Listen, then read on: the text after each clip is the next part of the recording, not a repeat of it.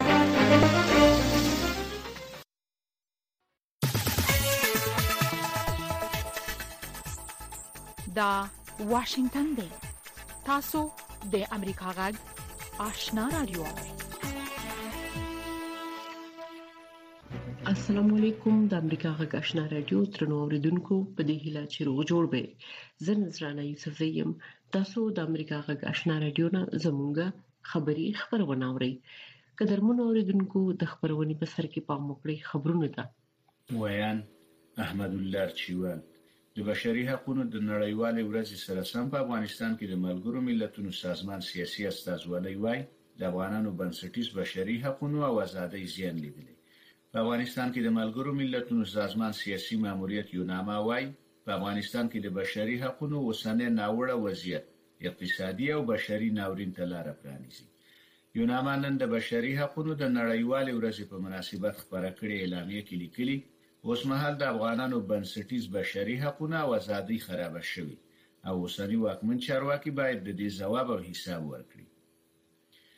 د بشري حقونو څار سازمان وايي، په افغانستان کې د بشري حقونو وضعیت لا خراب شوی او په تېر یو کال کې د طالبانو جدي او د سپکاوي ډکو محدودیتونو له ځنډ پرته دوام کړی. د دغه سازمان د اسیا څانګې مرستیالې پټریشیا ګاسمین د بشري حقونو د نړیوالې ورځې او د بشري حقونو د نړیوالې اعلامیې د پنځاویایمې کلیزې په مناسبت ازادۍ راډیو ته ویلي، چې په افغانستان کې د شویو تاوتریخوالو هیڅ ډول حساب ورکونه نشته. بلخوا د ملګرو ملتونو د بشري حقونو لوی کمشنر د دې ورځې په مناسبت د طالبانو پر حکومت غږ کړی چې د مجرمانو لپاره د اعدامونو حکمونه بند کړي. ولکر ټرک پرون په یوه خبري غونډه کې وویل د دې ډول حکمونو تطبیق د بشري حقونو له نړیوالې اعلامیې څخه چې افغانستان هم لاسلیک کړې، سرغړونه ده. ټرک زیاتوي، د طالبانو د سرپرست حکومت له مشرانو غواړي چې د راتلونکو اعدامونو په برخه کې قانوني مهلت په پام کې ونیسي او د اعدام حکم لغوه کړي. د ملګرو ملتونو د بشري مرستو د همغږۍ اداره، اوچا، وايي چې په دوه زره دوه ویشت کال کې یې شاوخوا پنځه ویشت میلیونه افغانانو ته بشري مرستې رسولي. اوچا پرون پر ټویټر په یوه بیان کې ویلي چې د سږني کال په ترڅ کې یې د بشري مرستو د رسولو عملیات د افغانستان په ټولو ولسوالیو کې ترسره کړي دي. ادارې همداراز ویلي چې خیریه ټولنې له مرستندویو هیوادونو غواړي چې د افغانستان خلکو ته بشري مرستې وخت ته په پام سره برابرې کړي. له امریکا غږ څخه خبرونو ته دوام ورکوو.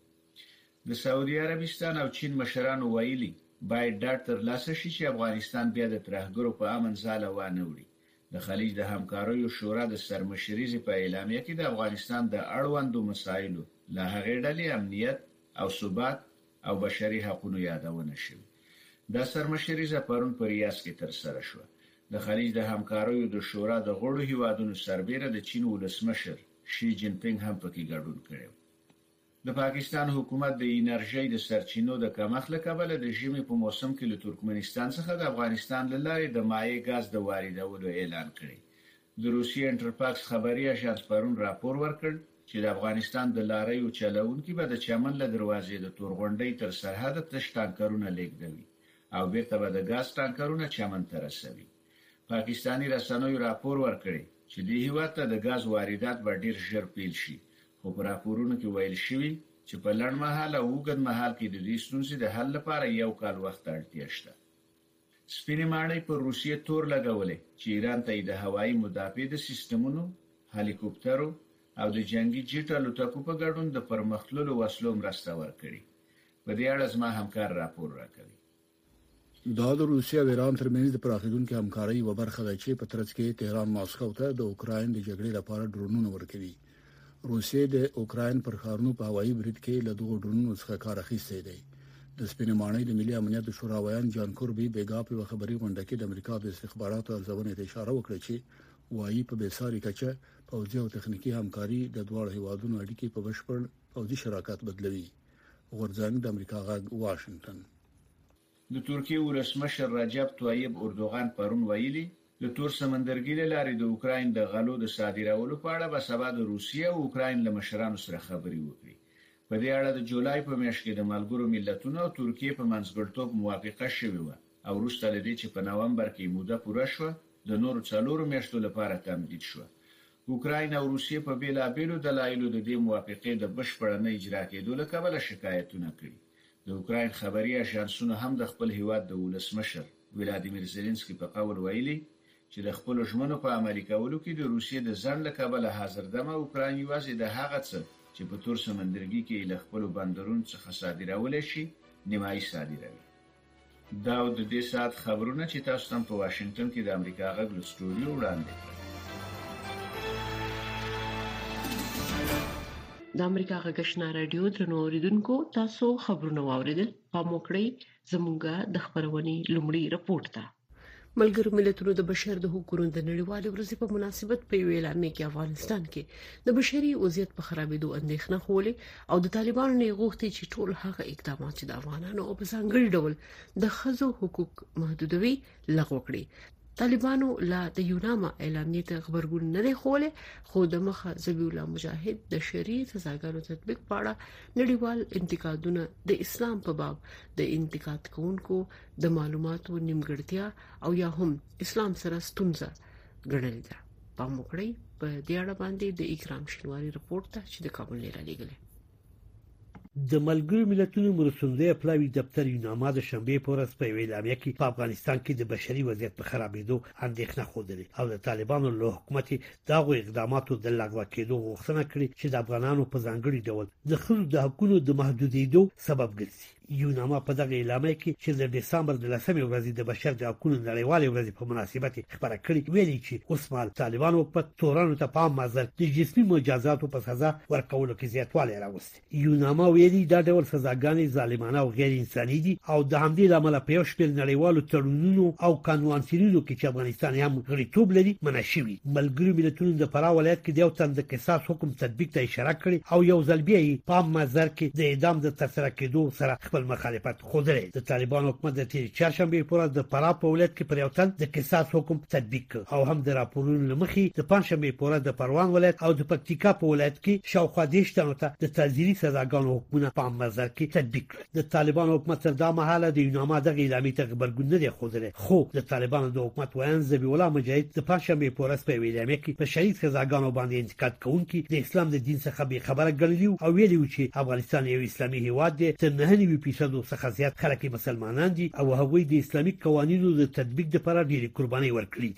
ښاغلي مجید ویلي دا چې په افغانستان باندې د اسلامي سزاګانو تطبیق له امله انتقادونه کیږي څرګندوي چې لا هم ځینې هیوادونه او ټولنې یو ښه مطالعه او معلومات نیمګړي دي او یا هم له اسلام سره ستونزه لري او د مسلمانانو متقداتو قوانینو او داخلي مسایلو ته درناوی نه کوي چې دا کار د هیوادونو په کورنیو چارو کې مداخله او د غندنې وړ ده د افغانستان د سیاسي چارو کارپو طارق فرهادي وایي چې په اسلامي فکر کې دغه سزاګانو تطبیق باندې ټینګار شوی او د سعودي عربستان په ګډون په ځینو هیوادو کې اسلامي حدود تطبیق کیږي خو خاغلی فرهادي وایي په نورو هیوادو کې په عام مزر کې دغه سزاګانو د تطبیق بهیر بند شوی دی علني ساختن شو مسلې خاغلی فرهادي ویل علني کولی دریمه مسله ده چې عبرت دی چې نور ورڅخه عبرت واخلي خو د دې باوجود خلک خبرېږي او علني کېدو ته یې اړتیا نه لیدل کېږي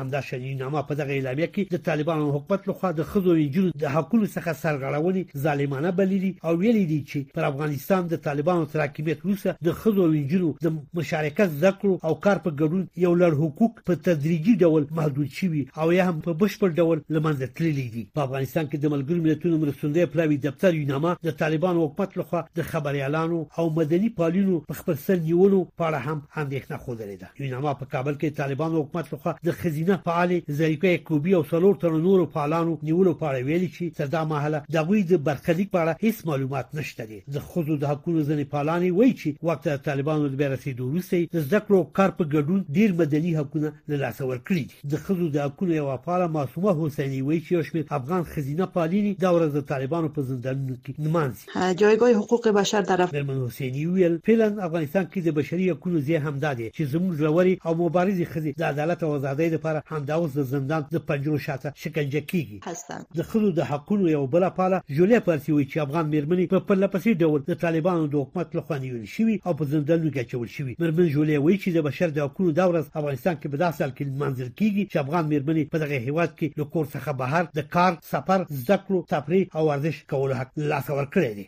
اما سازمان ملل جمهور مېرمن پارتي ویل خو ملګري ملتونه او نړیواله ټولنه په دې برخه کې چپ پاتې شوي یوازې د یو شرط تر حده د دې مسلې څخه په سطحي ډول تیریږي افغانستان کې طالبان لخوا د ښځو د حقونو محوه کول ډیر وهیم حالت نیولې زه نه پوهیږم ملګري ملتونه ولې ورته پاملرنه نه کوي ګرمن پارتي وایي چې طالبان پر حکومت باندې د نړیوالې ټولنې هڅو تر اوسه ځکه نتیجه نه ده ورکړې چې دا ټولنه یوازې اعلامیې خپري او نوره پاملرنه نه کوي طالبانو د افغانستان له دننه د امریکا غاټ رادیوي خبرونه درولې دي خو تر دې وروسته امریکا غاټ په پوره ژمنتیا خپل افغان اوریدونکو ته په پښتو او دری ژبه د کره باوري او هررخیزو خبرونو په خبرولو د افغانستان له بهره پرمنځنیو چپو 902 کیلو هرتز خپل خبرونه ته دوام ورکړي دسمبر په لسمه نیټه یعنی شنبه ورځ د بشري حقوقو د نړیوالې اعلامیې 15 او یا کال پوره شول او دا ورځ په پراخه کچه په نړۍ کې لمانځل کیږي د ملګرو ملتونو د بشري حقوقو کمشنر واکر ټرک د دغه ورځې په درشل کې په جنیو کې په نړیواله کچه د بشري حقوقو په وړاندې د ننګونو پر تړاو خبرې وکړې پام وکړي د رپورت لکه څنګه چې په ټوله نړۍ کې بحرانونه او ناورینونه مخ په زیاتېدو دي ځینې اندېښنه لري چې د ملګرو ملتونو په نړیواله اعلامیه کې یاد شوی انساني اصول خای د منځ لاړ شي د ملګرو ملتونو د بشري حقوقو کمشنر واکر ټرک د دغه ورځې په درشل کې په جنیو کې په نړیواله کچه د بشري حقوقو په وړاندې د ننګونو په تړاو یوې غونډې ته د یوکرين جګړې ته په اشاره ویل چې جګړه د داسې وحشي کړنو لامل کیږي چې د بشر وجدان لرزوي هغه د افغانستان په ګډون داسې ځایونه یاد کړل چې جدي اغیزې لري او تر یو بریده هیر شوی او په سرلیکونو کې ناراضي هغه په افغانستان کې د خزو او جنونو په اړه د طالبانو پالیسۍ د ژوند د ټولو اړخونو د خزو سیستماتیک محو کول وبلل په افغانستان کې د ژوند له ټولو اړخونو د ښځو او نجونو په پرله پسې سیستماتیکه توګه ګوښه کول په دې نړۍ کې بې ساري دي. دا هیواد په ټولیزه توګه ښځې او نجونې د برخه اخیستلو منع او بې برخې کوي. د بشري حقوقو نړیواله اعلامیه په نولس سوه او اته څلوېښت م کال کې د لاسلیک کېدو راهیسې اوس په پراخه کچه پیژندل شوې او په ټوله نړۍ کې عملي کېدل تضمین شوي، خو په وروستیو کلونو کې هغه انساني کرامت او برابر حقونه چې په دغه اعلامیه کې ژمنه شوې د ننګونو سره مخ دي. یمن another one. یمن یوه بله نه ختمېدونکې شخړه چې باید پای ته ورسېږي ده، اوربند باید نوې او پراخه شي، تر څو د یو هر اړخیز جوړجاړي په لور د خبرو اترو لاره وموندل شي، که څه هم هوایي بریدونه بند شوي، خو موږ د ځمکنیو ماینونو او د جګړې د نورو چاودېدونکو پاتې شونو له امله د ملکي تلفاتو، په ځانګړي توګه لومړۍ لیکې سره نږدې د کوچنیانو د مرګ ژوبلې راپورونه ترلاسه کوو. ټرک زیاتوي چې د بشري حقونو سرغړونې باید د ټولو لپاره د اندېښنې وړي. هغه ټینګار وکړو چې په کار نه ده چې یوازې د زړه دردونکي خبرونو په خبرېدو اندېښنې څرګندې کړای شي، لکه چې څنګه په یوکرین کې جنګ او په ایران کې د مظاهره کوونکو د وژلو په اړه کیږي. دا او ګڼ شمېر بحراني وضعیتونه چې نور په خبرونو کې نه راځي، نه یوازې د هغو خلکو لپاره جدي پایلې لري چې په مستقیم ډول اغېزمن شوي، خو دا هم ممکنه ده چې په نوره نړۍ هم اغېزې ولري او د دوی سیمې نورې بې ثباته کړي. یو شی چې په دې ټولو کې مشترک دی، هغه د بشري حقونو څخه سرغړونه ده. ټرمپ وویل چې د بشري حقوقو د پامه غورځول کولای شي د بشري حقوقو ډېری سرغړونې رامنځته کړي هغه وایي چې په دې کې نژادي او د تبعیض نور ډولونه د اختلاف په وړاندې تاوتریخوالی شامل دي هغه وایي کرکه به تاوتریخوالی لا زیات کړي او جنسي تبعیض به رامنځته کړي but solutions exist. د دې ډول بحرانونو اغېزې تل په شاته پاتو او ګوښه شوو خلکو کې زیاتې لیدل کېږي، په ځانګړي توګه په مېرمنو، کوچنیانو، کډوالو، ځايي خلکو، داخلي بې ځايه شوو خلکو، معلوليت لرونکو خلکو او په قومي، توکميزو او په جنسي لږکيو باندې. د ملګرو ملتونو د بشري حقونو عالي کمشنر وکور ټرک وايي، کلک عزم لري چې د بېجينګ سره د هغه رپورټ د موندلو په اړه کار وکړي چې مخکيني کمشنر خپور کړی او ويلي دي چې په شنجین سیمه کې د یوغوریانو او نور مسلمانانو سره د چین چلند د بشریت ضد جرمونه بلل کېدی شي نظرانه یوسفزۍ امریکا غږ واشنگټن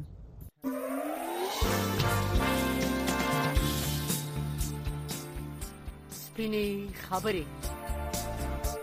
د ورځې په خبرونو او مسایلو د نظر د خاوندانو سپینې خبرې او د اوریدونکو نظرونه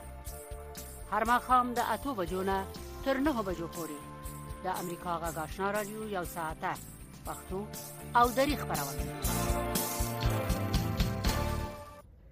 د چین ولسمشر شي جین پینګ سعودي عربستان ته د خپل سفر په ترڅ کې د هغه هیواد له پاچا او ولی عہد سره په جلا ډول لیدلې دي شي هم دغه ډول پریاس کې د سیمې د هیوادونو د مشرانو سره هم مجلس کړي او په څلور اړخیزو همکاریو سلا مشورې کړې دي د سعودي رسنۍ وایي چې ریاض او د بیجینګ د 10 میلیارډو ډالرو په ارزښت یو تړون لاسلیک کړی دی پام وکړئ د رپورت ته د چین ولسمشر د جمعې په ورځ د سعودي عربستان د مشرانو سربېره د قطر، بحرین، جیبوتي، لبنان او الجزایر له مشرانو سره په ریاض کې جلا جلا غونډې کړې دي. په مجالسو کې د چین ولسمشر ژمنه کړې چې بیجینګ به د خلیج هیوادونو تیل او غاز وپیري خو په چارو کې به مداخله نه کوي چین کوښښ کوي چې د امریکا په پرتله په سیمه کې د خپل د حضور تله درنه کړي شي جین پینګ د عرب هیوادونو له مشرانو وغوښتي چې خپل تیل او غاز دې د چین په پیسو یوان خرڅ کړي مونږ د چین او عرب هیوادونو د سرمشریزې له لارې د چین او سعودي او چین او عرب هیوادونو ترمنځ د همکارۍ او راکړې ورکړو پراخولو ته سترګې په لاره یو. مونږ همدارنګه د چین او سعودي ترمنځ د همکاریو نورو پروژو ته په تمه یو چې په سعودي کې ریښې نیسي او د پرمختیا په حال کې دي. د چین ولسمشر د خپل سفر په ترڅ کې د سعودي له باچا ملک سلمان او ولیعهد محمد بن سلمان سره هم کتلي دي سیمه ته د چین د ولسمشر سفر د واشنگټن غبرګون هم راپارولی دی د سعودي رسنیو خبر ورکړی چې دواړو هیوادونو د نږدې 10 میلیون ډالرو په ارزښت د همکاریو یو تړون لاسلیک کړی دی. لکه څنګه چې ټول پوهیږئ، نړۍ په بدلیدو ده او موږ په حقیقت کې شنې انرژۍ او متبادل انرژۍ باندې تمرکز کوو. زه ډاډه یم چې د چین د تکنالوژۍ او د خپلو ماغزو پر مټ به موږ یو څه ترلاسه کړو. د ینبو او ارامکو د تیلو د چاڼولو اداره یا سرف په ګډه د چین او سعودي د نفتي توکو د ادارو لخوا رامنځته شوې ده. ویل کېږي چې اصرف د سعودي او په ټوله کې د عرب هیوادونو او چین ترمنځ د انرژۍ په برخه کې د همکاریو د زیاتېدو په برخه کې ګټوره تمامه شوې ده دا په سعودي کې د چین یو لوی پانګونه ده د دې کمپنۍ 8 میلیارډ ډالر پانګونه شوې او په کال کې د 10 میلیون ټن اومه تیلو د چاڼولو ظرفیت لري احمد شکیب د امریکا غږ واشنگتن طالبانو د افغانستان له دننه د امریکا غږ رادیوي خبرونه درولې دي خو تر دې وروسته امریکا غږ په پوره ژمنتیا خپل افغان اوریدونکو ته په پښتو او دری ژبه د کره باوري او هررخیزو خبرونو په خبرولو د افغانستان له بهره پر منځنیو چپو 902 کیلو هرتز خپل خبرونه ته دوام ورکړئ پیښور په بور سیمه کې یو شمېر دکاندارانو او سوداګرو د خاروالۍ د ادارې له لوري د افغانانو سره د ناوړه چلند او د دوی د دکانونو د رنګولو په ضد مظاهره وکړه وی ویل چې حکومت د دوی دکانونو د دوی د خبرولو پرته هغه مهال رنګ کړل چې دوی په خپل هټو کې کاروبار کوي خو د پیښور د کمشنر مرستيالي دغه ادعا رد کړې ده نور حال د مسکا صافي په دې رپورت کې د پیښور د خروالي ادارې د پیښور په بورډ بازار کې جوړ د افغان سوداګرو دکانونه او ترپالونه نړولې دي او په دې مهال د مزاحمت په تور یې یو شمېر دوکانداران او د تجارانو د ټولنې مشران یې نیولي دي. د افغان دوکاندارانو په وینا، دا پېښه هغه مهال رامنځته شوه چې دوی دننه په خپلو دوکانونو کې ناست وو او د ولسوالۍ ادارې د دوی دوکانونه ړنګول پیل کړل. دوکاندارانو دا یو غیر انساني فعل ګڼلی او وایي حکومت باید دوی ته له مخکې خبر ورکړی وای. دې کې زموږ غونډ مال پروت و او یو نیمه ګنټه موږ ته وخت نه ده راکړی او رامانه شروع کړ دکان رامانه خطا مال هم غرق شو او هر څه موږ پکې تباه و دکان هم له منځه لاړو پکې هر څه لاړل وادي ورېدو مطلب دا ده چې موږ ته یو څو ورځې مخکې نوټس راکړی چې ورانه ویم خو موږ مال خو به پکې تباه شوی نه دکان خو هغه دکان خو لاړ تباه او برباد شو دا خو داسې بې قانونه کار زه پکې ناست وم دې رامانه غونډ تیر راغلی که زه مړ شوی دا درته دا تیران په راځي توګه دا دا دا دا په کوم قانون او کوم اسلام کې راغلي دي خلک کوي مونږ ویل دا غواړو چې باید مونږ ته انصاف ملاو شي په دې چې مونږ نه نوټس را کړ او نه سره کړ او زمونږ ټول مال ورک شو هر څه مرک دي پیسې مرک دي دا سلور د ښکاله کې هیڅ خبر هم نو پرون رالو یو دم ډایرکټ دکان چپه کو په مونږه مال پکې مونږ ناس ورس پروت چپه کو په مونږه له دې پېښې وروسته تېره ورځ د پېښور په بوړ سیمه کې د خیبر پښتونخوا د تاجرانو مشرانو او دوکاندارانو د افغان سوداګرو د خوندیتوب او نیول شوو تاجرانو د خوشې کولو لپاره د ولسوالۍ ادارې پر ضد مظاهره کړې ده. هغه کوم سهولیت هغه کوم شیونه چې دی هغه زموږ دکاندارانو ته ورکول کیږي نه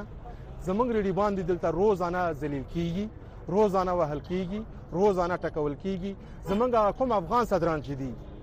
بغیر پوښتنې بغیر یو جرم نه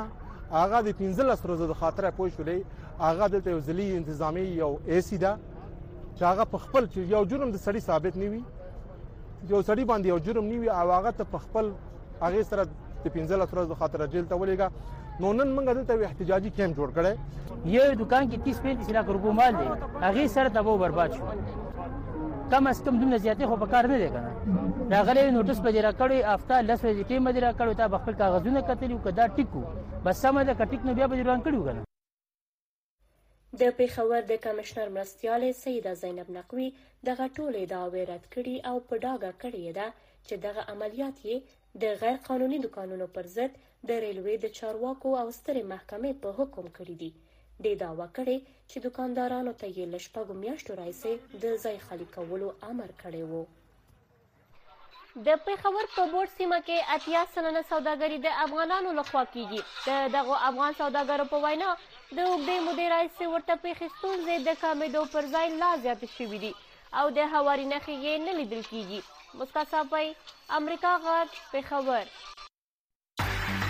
طالبانو د افغانستان له دننه د امریکا غاک رادیوي خبرونه درولې دي خو تاسو کولی شئ زموږ پښتو خبرونه پر لاندو صفحو هم واورئ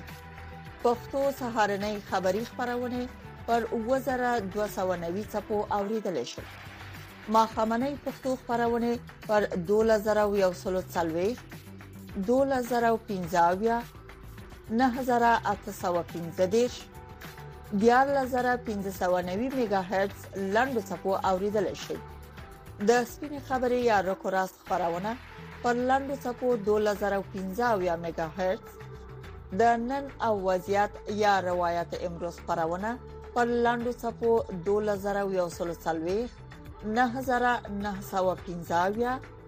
او تاسو غږ یا صداي شما خبرونه پر لاندې چپو 2510 او 9315 میگا هرتز اوریدل شي عامه روغتیا وزارت وایي په تیر کال کې د خلکو پراخې همکارۍ په نتیجې کې د پولیو پیښې کمې شوې او که د خلکو همکاري دوام ومومي هله من دي چې زر په افغانستان کې دغه وایرس محو شي نور تفصيل د لیمې امر خیل په دې رپورت کې اورو کابل کې د عامه روغتیا وزارت چارواکي وایي چې دوی د تیر یو کال په موده کې د ښه مدیریت او خلکو پراخې همکارۍ په نتیجه کې د پولیو پیښې تر ټولو ټیټې کچې ته رسیدلې دي د دې وزارت ویاند ډاکټر شرافت زمان امرخیل آشنا رادیو ته وویل چې د خلکو له همکارۍ پرته نشي کولای د پولیو په شمول د نورو ناروغیو ګراف راټیټ کړي نوموړي په دې تړاو داسې وویل په د تیر یو کال کې له موږ سره ټول ولس همکاري کړې ده د ښه مدیریت له کبله لله الحمد زموږ اته واړه کمپاینونه ښه په کامیابۍ سره ترسره شوي دي امید دی چې په آینده کې هم د ښې همکارۍ په توسط سره په افغانستان کې موږ د پولیو واقعیت د صفر کچې ته راښکته کړ. له بلې خوا کابل کې ځینې روغتیاپالان او همکاریان هم د دې ویروسي او ساري امراضو په انتقال کې د متقابل همکارۍ غوښتنه کوي. د کابل په فرانسویانو روغتون کې د ماشومانو د ساري امراضو متخصص ډاکټر عصمت الله حمد اشنا راډیو ته وویل چې پرته د والدینو له مرستې د پولیو په څېر هېڅ یوه ناروغي پای نشي موندلی. د والدینو همکاري د ساري امراضو او نورو ویروسونو په مقابل کې کاملا مهمه خبره ده، ځکه که چېرته والدین کمک ونه کړي، موږ او هغه رضاکاران چې دې برخه کې فعالیت لري، نشي کولای ویروسونه وقایه او کنټرول کړي.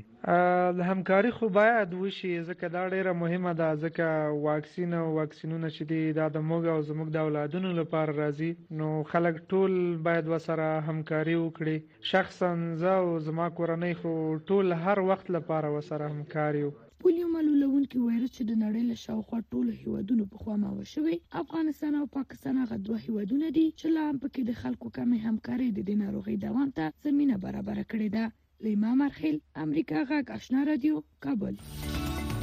کا غواړی چې هر وخت د نړۍ او افغانستان په اړه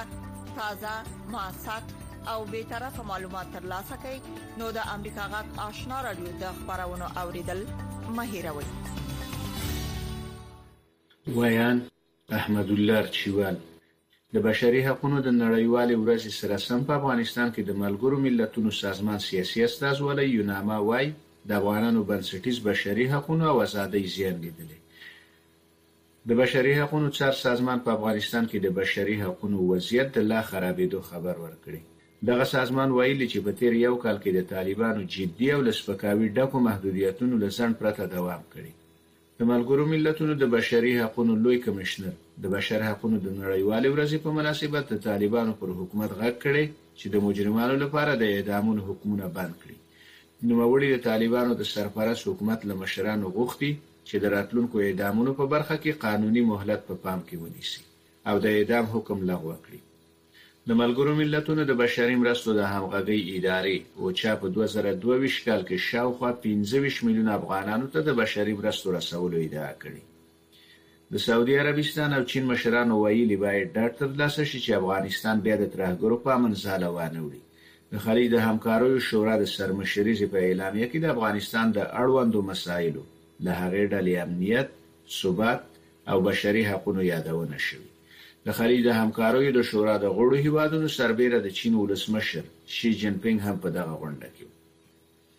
د پاکستان حکومت د انرژۍ د سرچینو د کمښت له کبله د ژمي په موسم کې له ترکمنستان څخه د افغانستان له لارې د مایع ګاز د واردولو اعلان کړی. سپینې ماڼۍ پر روسیې تور لګولی چې ایران ته یې د هوایي مدافع د سیستمونو، هلیکوپترو او د جنګي جیټ الوتکو په ګډون د پرمختللو وسلو مرسته ورکړې. د ترکیې ولسمشر رجب طیب اردوغان پرون د تور سمندرګي له لارې د اوکراین د غلو د صادرولو په اړه سبا د روسیې او اوکراین له مشرانو سره د خبرو کولو خبر ورکړی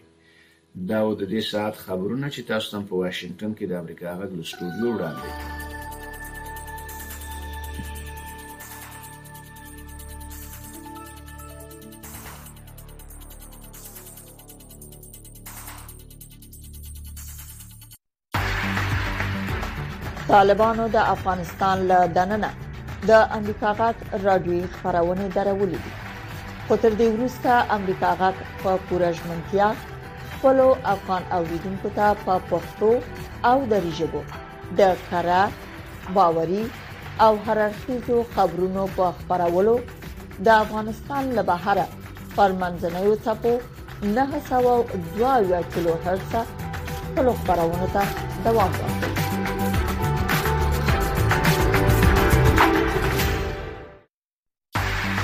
طالبانو د افغانستان له دننه د امریکا غاک رادیوي خبرونه درولې دي خو تاسو کولی شئ زموږ پښتو خبرونه پر لاندو صفحو هم واورئ پښتو سهارنۍ خبری خبرونه پر 2290 صفحو اوریدل شئ ما خامنۍ پښتو خبرونه پر 2140 2015 9815 14590 میگا هرتز لاندو صفحو اوریدل شئ د سپینې خبرې یا رکوراست خبرونه پر لاندو سپو 2015 میگا هرتز د نن او وضعیت یا روایت امروز خبرونه پر لاندو سپو 2040 9915 او ساسغت یا صداي شما خبرونه پر لاندې ټکو 2513 او 9315 میگا هرتز اوریدل شي قدرمن اوریدونکو تاسو د امریکا آشنا رادیو نه زموږه خبری خبرونه واوریده موږ تاسو ته په دې هیله اجازه غواړو چې خبرونه به اوریدلې وي د خوده په